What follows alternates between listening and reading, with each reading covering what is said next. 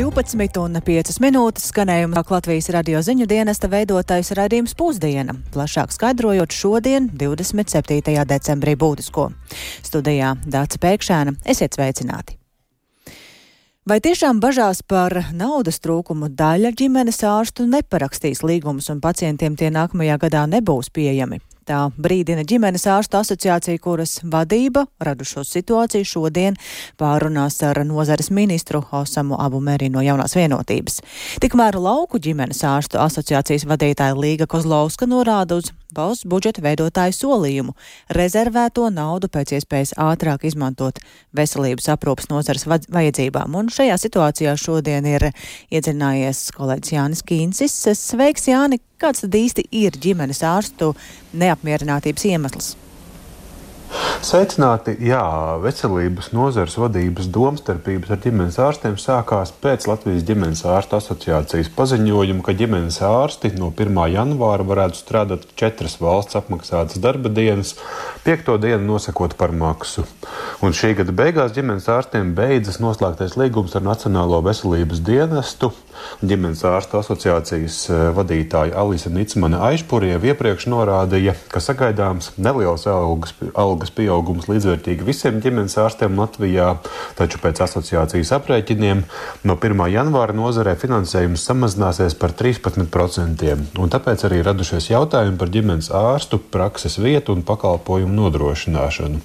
Šo bažu dēļ ģimenes ārstu asociācija rosināja noslēgt pagaidu līgumus uz diviem mēnešiem kuru laikā rast visiem saprotamu risinājumu visam nākamajam gadam. Pret šādu praksi, pret šādu piedāvājumu iebildas Nacionālās veselības dienests. Tomēr vienlaikus vairums ģimenes ārstu visā Latvijā līgumus par nākamo gadu ir parakstījuši, un uh, publiski nosauktie skaitļi atšķiras. Tie varētu būt 75%, 80% vai 90% ģimenes ārstu prakšu, tomēr ne visas. Un to, ka neilgi pirms Ziemassvētkiem vairums ģimenes ārstu prakšu jaunos līgumus ir ir parakstījuši. Latvijas ģimenes ārstu asociācijas vadītāja Alisa Nicmane Aišpura intervijā Latvijas radio skaidroja ar spiedienu izdarīšanu un biedēšanu par pacientu pārcelšanu uz citām ģimenes ārstu praksēm. Lūk, viņas teiktais.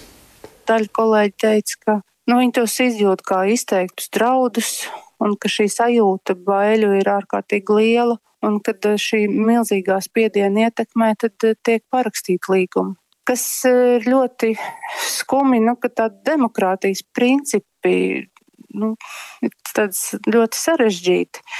Ja mēs esam vienojušies, un mums arī ir līgumā punkts, kad eh, līgums pagarina, saskaņo, tad, nu, ja pārstāvniecība Latvijas ģimenes ārsta asociācija ir saskaņojusi, bet tas, ka katru kolēģi apzvana individuāli un viņam izsaka, ka viņa pacientiem būs jāmeklē jauni risinājumi no 2. janvāra. Nu, protams, kā ārsti ir atbildīgi par saviem pacientiem un arī uztraucās, nu tad daļa šo spiedienu neiztur un paraksta. Pašlaik pārsvarā līgumus vēl nav parakstījušas ģimenes ārstu prakses Rīgā un Pierīgā. Savukārt Lauku ģimenes ārstu asociāciju vada Līga Kozlauska, kur ir arī saimnes deputāti valdošās koalīcijas pārstāvi no Zaļo un Zemnieku savienības. Viņa stāsta, ka nākamā gada valsts budžeta sagatavošanas laikā ir guvusi apstiprinājumu, ka daļu no nākamā, nākamā gada budžetā veselības nozarei paredzētā papildu finansējuma esot rezervēta un būs realizējama pēc izmantošanas, pamatojuma izskatīšanas un pieņemšanas valdības sēdē. No papildu apmēram 100 miljoniem eiro 16 miljonu eiro esot paredzēta arī primārajai veselības aprūpei nākamajā gadā. Un tas mazinās arī gada sākumā redzamo iztrūkumu. Un, Līga Kozlovska sagaida iespējami drīzu risinājumu un komunikāciju ar ģimenes ārstus pārstāvošajām organizācijām. Savukārt izskanējušais par piespiešanu parakstīt līgumus Kozlovsku gan pārsteidzot. Lūk, arī viņas teiktais uzticamies un strādājam pie tā, lai šī ierezervētā papildus nauda apmēram 16 miljonu apmērā tiktu, nu, pēc iespējas ātrāk praksēm piešķirta. Tas saistās gan ar uzturēšanās izdevumu palielinājumu ģimenes ārstu praksēm, gan no lauku ģimenes ārstu asociācijas ir īpaši aicinājums izskatīt valsts apmaksātā papildus palīga finansēšanu, jo uzdevumi atkal ar šogad ir ļoti daudz un pats par sevi, nu, vēl otrā asociācija aizvietošanu lūdzu. Domāju, mūsu valsts demokrātiska valsts, es domāju, nu, gan jau mēs normāli saruna veidā spēsim panākt gan rezultātu, gan uz finansējuma palielinājumu pēc iespējas ātrāk, gan arī līdz ar to arī pacienti saņems no vairāk pakalpojumus. Nu, lūk, šodien saistībā ar ģimenes ārstu bažām un līguma situāciju ir paredzēta saruna arī ar veselības ministru Hosemu Abamērī no jaunās vienotības. Ar ko šī saruna noslēgsies, cerams, varēsim paziņot arī programmā pēcpusdiena. Dace! Paldies Jānim Kīncim, gaidīsim sarunu noslēgumu, lai tad mēs varētu par to arī vairāk izstāstīt raidījumā pēcpusdiena.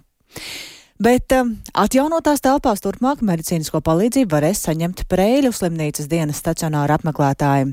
Slimnīcā noslēgusies ceturtā stāva pārbūve, kas notikusi izmantojot Eiropas reģionāla attīstības fonda naudu un jau drīzumā uz šīm telpām pārcels gan dienas stacionāru, tā skaitā endoskopijas pakalpojums un arī operāciju zāli. Un šobrīd esam sazinājušies ar slimnīcas valdes priekšsēdētāju Skaidrīti Žukovu. Labdien! Labdien!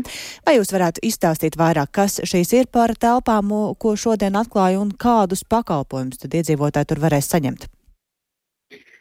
E, tātad šis bija Eiropas reģionālā fonda attīstības aģentūras e, projektiņš pa, e, parakstīts 2018. gadā līgums par 975 834 eiro, un no kuriem 85% tātad ir Eiropas reģionālā uh, fonda. Jā, un šīs, kas deviņu. ir par telpām, jā. Šīs ir dienas stacionāra pārbūves projektiņš. Līdz ar to tas ir dienas stacionārs, kur, kurš ietver sevī visus tos pakalpojumus, kuri atbilst. mēs esam pirmā līmeņa dienas stacionārs. Tātad tas ir gan iekšīgo slimību un neiroloģisko ārstēšana, gan hronisko sāpju pacientiem mm, palīdzība, gan rehabilitācija, traumatoloģija, ortopēdija, ginekoloģiskās operācijas, ķirurģiskās operācijas endoskopijas. Līdz ar to, lai nodrošinātu šo pakalpojumu klāstu, arī pielāgotas mūsdienu prasībām telpas. Tātad plašs pakalpojumu klāsts. Cik būtiski ir šī pārbūve? Tas nozīmē tikai to, ka iedzīvotājiem pakalpojumi būs pieejami mūsdienīgākās telpās, vai tas ir nozīmīgi arī pašai slimnīcai un iespēja varbūt saglabāt plašāku pakalpojumu klāstu? Tas nozīmē, ka e, šīs telpas e, teiksim, vēsturiski netika remontētas no, no, no, no būvnieku slimnīcas teiksim, dibināšanas laika. Līdz ar to viņas bija gan fiziski, gan morāli novecojušas, un, un, un, un uzturēt viņas bija ļoti grūti un sarežģīti. Tāpēc mēs nolēmām, ka tādai slimnīcai kā mēs, otrā līmeņa slimnīcai, dienas stacionāra pakalpojumi, tā ir nākotne. Līdz ar to ir vērtīgi ieguldīt arī finansējumu tieši šo telpu atjaunošanā. Vai varam teikt, ka viss ir noritējis raiti, bez aizķeršanās, jo šķiet, ka vēl pagājušā gadā bija runa par pakalpojumu apjomu samazināšanos, līdz ar to arī jums šķiet vai nebija satraukums par to, ka vai izpildīsies visi šie centrālās finanšu un līguma aģentūras nosacījumi? Raiti mums šis projektiņš negāja, jo, kā jau minēju, līgums tika noslēgts 2018. gadā. Varbūt mums nevisai noveicās ar būvniekiem, jo uh, būvnieks, kurš iepirkumā vinnēja pirmais, uh, saskārās ar maksātnespējas procesu, līdz ar to bija jāauditē viss un atkal jā, jāsludina iepirkums un atkal, jā, un atkal viss no sākuma. Līdz ar to gandrīz seši gadi mēs īstenojām šo projektu, bet mēs paspējām e, apgūt šīs, šīs naudiņas un, un, un piln, pilnībā. Bet ja runā par to, ka mm, klases samazināsies. Tieši, nē, tieši dienas stacionārs, kā jau minēju, arī ir tā nākotne šādām slimnīcām kā Preļu. Un, un, un otrā līmeņa, jo mēs, mēs, mēs, mums ir sarežģīti nodrošināt varbūt akūto ķirurģiju, akūto ginekoloģiju. Kaut gan mēs tagad, kaut gan tagad mēs nodrošinām to, bet nu, izpildot visas prasības, tiem cilvēku resursiem, kuriem ir jābūt, lai nodrošinātu akūto palīdzību, būs sarežģīti. Tāpēc nu, dienas stacionārs tas ir, tas ir viens no variantiem. Kā tālāk strādāt tas, un nodrošināt pakalpojumu. Tas nozīmē, ka nekas nebeidzas un viss vēl turpinās, un arī priekšā vēl citi lieli darbi. Pēc šīs pārbūves vēl mm, šķiet arī jūs plānojat martā atvērt ilgstošās sociālās aprūpes pakalpojumu nodaļu, vai tas vairs nav saistīts ar jums? Tas ir saistīts ar mums, bet nu, pagaidām tur mēs teiksim, ar telpu renovāciju un pārbūvi vēl pagaidām neesam gatavi startēt, vienkārši izmitināt. Jo mums ir arī citas telpas, teiksim, tagad, kur, tieši tagad, kur atradās dienas stacionārs, ja, viņas atbrīvosies, jo dienas stacionārs ar saviem visiem pakalpojumiem dosies uz šīm jaunajām telpām. Līdz ar to tās, tās telpas, kur, kur mm, līdz šim notika, viņas atbrīvosies, mēs varēsim nodrošināt arī šo pakalpojumu. Paldies par sarunu Prēļu slimnīcas valdes priekšsādātājai Skaidrītai Žukovai. Tātad Prēļu slimnīcā būtiskas izmaiņas un īpaši tas attiecas uz dienas stacionāra pacientu sniegtajiem pakalpojumiem. Bet iestāde, kura regulāri pārbauda, kā tiek izmantota iedzīvotāja nauda un vajadzības gadījumā arī sniedz ieteikumus uzlabojumiem, ir valsts kontrola. Un šogad tā ir pabeigusi 41 revīziju, un atcerēsimies, ka vienā no pēdējām Atzinums bija negatīvs, tas bija par Rēzekni, kur šī gada budžeta izstrādē ir pieļauti vairāki pārkāpumi.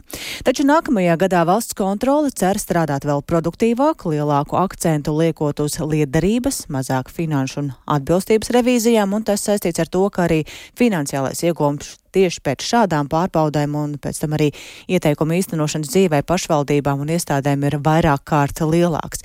Tā šorīt raidījumā labrīt kolēģiem Martai Skujai un Laurim Zvejniekam sacīja jaunais valsts kontrolieris Edgars Korčāgins.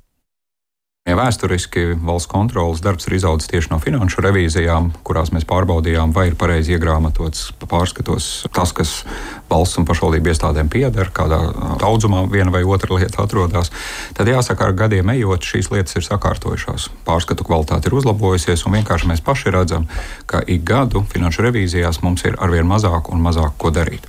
Līdz ar to, ņemot vērā, ka vēl joprojām uz šīm finanšu revīzijām, kuras mums ir uzliktas likumā par pienākumu veikt, Mēs veltam diezgan daudz savu revīziju resursu, bet tā pievienotā vērtība ik gadu samazinās. Mēs arī esam mērķtiecīgi jau pēdējos gados iesākuši strādāt un arī turpmāk strādāsim uz to, lai savus resursus pēc iespējas vairāk pārvirzītu tieši uz liederības revīzijām, no kurām tā pievienotā vērtība ir daudz lielāka. Kuras arī nav vieglāk interpretējamas? Tā varbūt pat nevarētu teikt, bet vienkārši liederības revīzijās mēs vērtējam to, cik ekonomiski, cik produktīvi vai cik efektīvi valsts vai pašvaldību institūcijas rīkojas ar tām uzticēto nodokļu maksātāju naudu un kā tās īsteno mums iedzīvotājiem svarīgas lietas. Un pirms katras revīzijas mēs arī nosakām specifiskus kritērijus, kā mēs vienu vai otru jautājumu mērīsim, pārunājam šos jautājumus ar tām iestādēm, kuras konkrētā revīzijā ir iesaistīts, un vienojamies, tad, kurā brīdī mēs teiksim, ka rīcība ir vai nav liederīga vai neliederīga pievienotā vērtība palielināsies, klausītāji varētu teikt, kad atgūs neliederīgi iztērēto naudu. Par šīm neliederīgi iztērētām naudām varbūt iedalīšu tos tās divās daļās. Pirmkārt, valsts kontrole mēs arī ļoti rūpīgi sekojam vienmēr līdzi, cik daudz mūsu revīzijas ir pienesušas valsts vai pašvaldību budžetiem vai nu palīdzējušas ietaupīt, vai radījušas papildu ienākumus tur, kur tos vajadzēja gūt. Un šobrīd tas cipars ir tāds, ka uz katru uz valsts kontrolas darbību iztērēto eiro mūsu revīzija rezultātā valsts vai pašvaldību budžeti iegūst 5,6 eiro.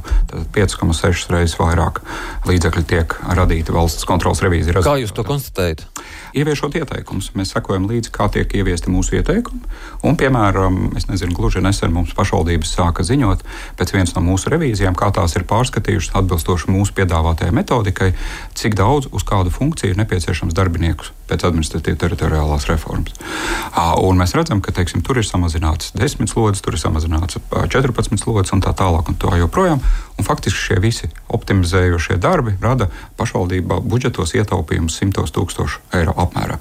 Bet otrs stāsts ir par to, kur nepilnus piecus gadus atpakaļ saima valsts kontrolē uzticēja funkciju noteiktos gadījumos arī veikt piedziņas ja ir nelikumīga rīcība rezultātā izšķiesti valsts vai pašvaldību līdzekļi, un ja pašas iestādes to nedara, tad valsts kontrole var iestāties. Šo darbu mēs jau veicam. Nu, jau vairāk kā trīs gadus ir tādi faktiski, faktiski aktīvi procesi.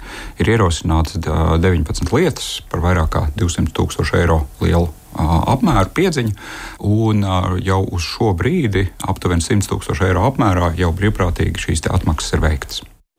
Tālūk valsts kontrolas vadītājs Edgars Korčāgins. Bet kā un vai sadalīta Garkalnas pagastu par to šodien lems Ropažnovaddomē. Tās finanšu komiteja jau ir atbalstījusi šī pagasta sadalīšanu Baltazara ciemu atdodot Ādažu novadam, bet tas neatiecas uz citām teritorijām, kas ir ap Baltazaru, piemēram, Turīgo Prietkalnis un Bukultu ciemu. Ko par Garkalnas pagasta sadalīšanu domā paši iedzīvotāji, to ir skaidrojusi kolēģi Agnija Lazdiņa. Viņa šobrīd atrodas Berģos. Sveika! Agnija, saki, nu, ko par plānoto pagastu sadalīšanu tu vari teikt šobrīd vairāk? Labdien! Jā, tātad savulaik administratīvi teritoriālās reformas plāni paredzēja Ādužu novadam pievienot lielāku bijušā Garkalnas novada daļu līdz pat Vidzemes šosejai. Un no 30. oktobra līdz 28. novembrim notika publiskā apspriešana un iedzīvotāja aptauja par Garkalnas pagasta sadalīšanas plānu. Un pagastu sadalīt paredz administratīvi teritoriālās reformas lēmumi, un šajā aptaujā to piedalījās 1920 respondenti cilvēki, kuru dzīvesvieta vai nekustamais īpašums atrodas Garkalnas pagastā, un no šiem visiem cilvēkiem 64,11% pauda, ka atbalsta pagasta pievienošanu Ādažu novadam, taču 30,36% bija pret, savukārt pārējie norādīja, ka viņi nedzīvo šajā pagastā vai viņiem nav viedokļa par šo jautājumu. Un kopumā viedokli izteikuši ir 21,17% no visiem Garkalnas pagasta balstiesīgajiem, un aptaujā visaktīvākie tieši ir bijuši Baltazara, mazajam Baltazaram pieguļošās Garkalnes pagasta Baltazara ciema daļas un bukulti iedzīvotāji, kuri tad savās atbildēs visbiežāk norādīja, ka vēlas, lai šie visi ciemi būtu pievienoti Ādažu novadā. Un eh, es paviesojos arī bukultos Baltazarā un Prietkalvē, kur eh, jāatzīst, ka cilvēku tur bija ļoti maz, bet uh, tos, kurus man sanāca sastapt un uzrunāt, tad viņi savas domas un viedokli pauda ne tik viennozīmīgi uzmanīgi paklausīsimies viņu teikto. Mēs ļoti gribam pie ādažiem. Sen jau vispār pie Rīgas gribējām. Mums taču doma sēž jau pie Rīgas. Nu.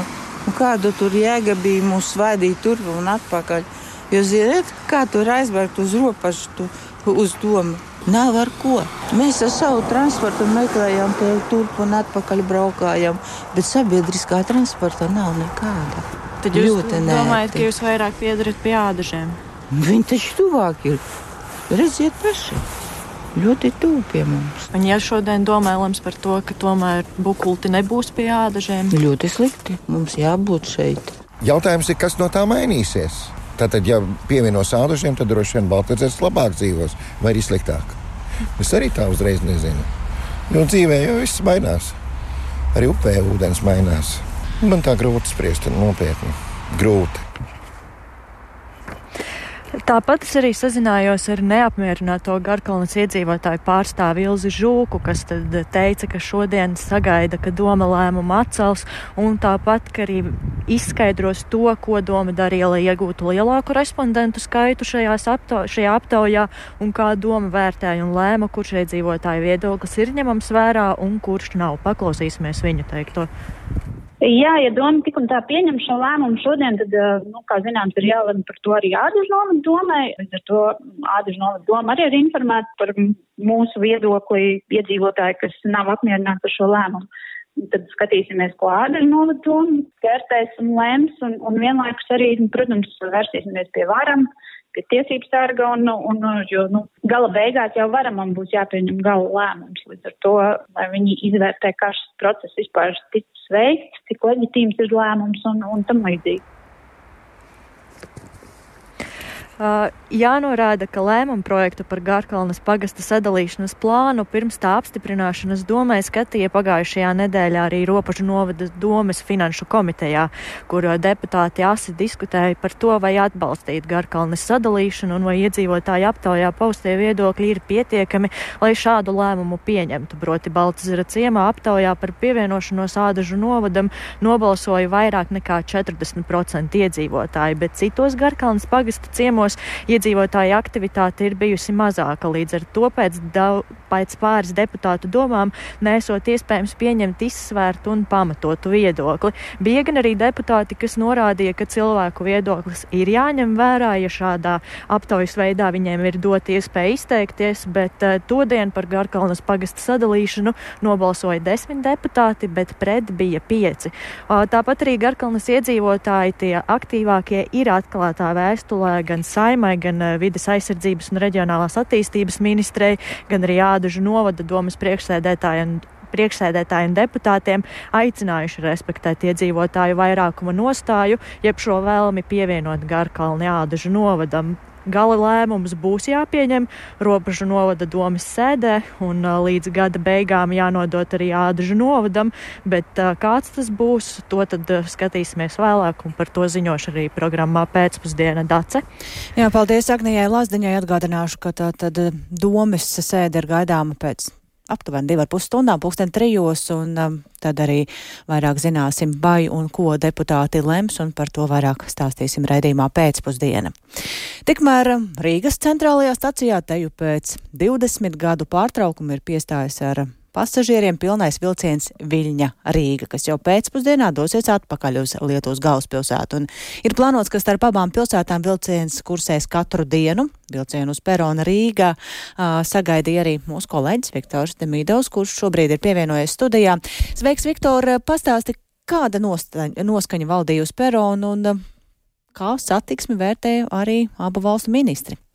Jā, labdien! Vilcienu satiksmi starp Viļņu un Rīgu pārtrauca 2004. gada janvārī, un tad sanāk jau ir teju 20 gadi, un daudzus gadus vēlāk gan atklāja tā saucamo četru galvaspilsētu vilcienu, kas brauc no Kīvas, tad caur Mīnsku, Viļņu un gala stacija bija Rīgā, un pēdējais šāds brauciens notika 2020. gada martā, kad Latvijā sāka plosīties Covid-19 pandēmija, un šodien Rīgā pirmo sastāvu pēc daudzu gadu pārtraukuma sagaidīja interesanti interesanti, un kāds bija tas brauciens un kāpēc cilvēki no Lietuvas uz Rīgu ir atbraukuši, un to tad jautāja vilciena pasažieriem.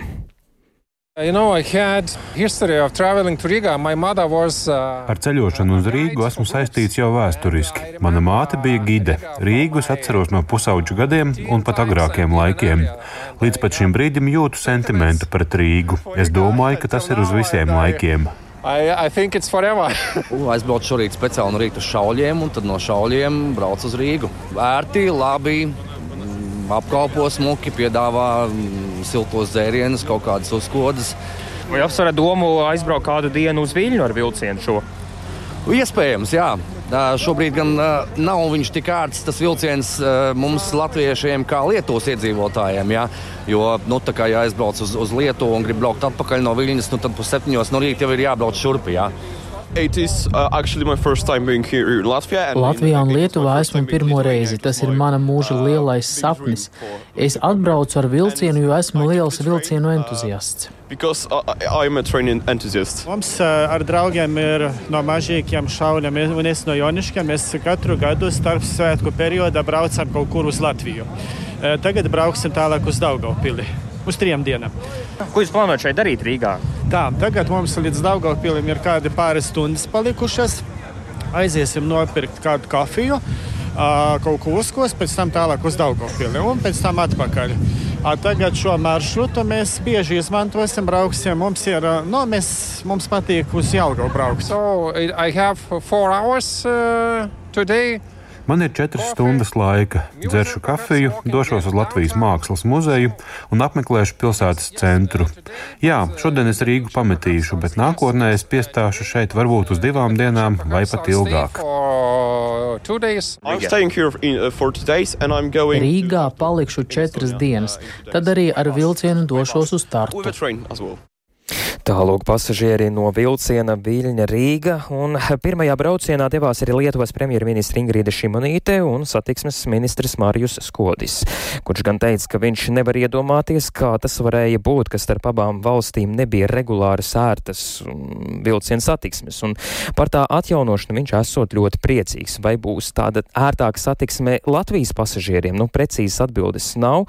Um, tas drīzāk ir Latvijas um, ekspertu un, un politiķu pārziņā, un satiksmes ministrs Kaspars Briškens no progresīvajiem teica, ka nākamais solis būtu pagarināt vilcienu no Daugavpils uz Viļņu. Paldies Viktoram Demīdovam. Tātad pirmais vilciens no Viļņas Rīgā ir šobrīd ieradies, vakarā tas dosies atpakaļ, nu, un ar to arī izskan raidījums pusdiena. To producēja Ilza Aginta, ierakstus montēja Kaspars Groskops par labskaņu rūpējās Ernests Valds Fjodorovs un ar jums sarunājās Dāca Pēkšēna. Atgādināšu to, ka raidījums pusdiena kā alaži ir klausāms arī sevērtā laikā To var atrast Latvijas radio mobilajā lietotnē, ir jāieraksta dienas ziņas, un tāpat arī Latvijas radio ziņām var sekot līdzi sabiedrisko mediju ziņu portālā LSMLV un arī mūsu sociālajos kontos.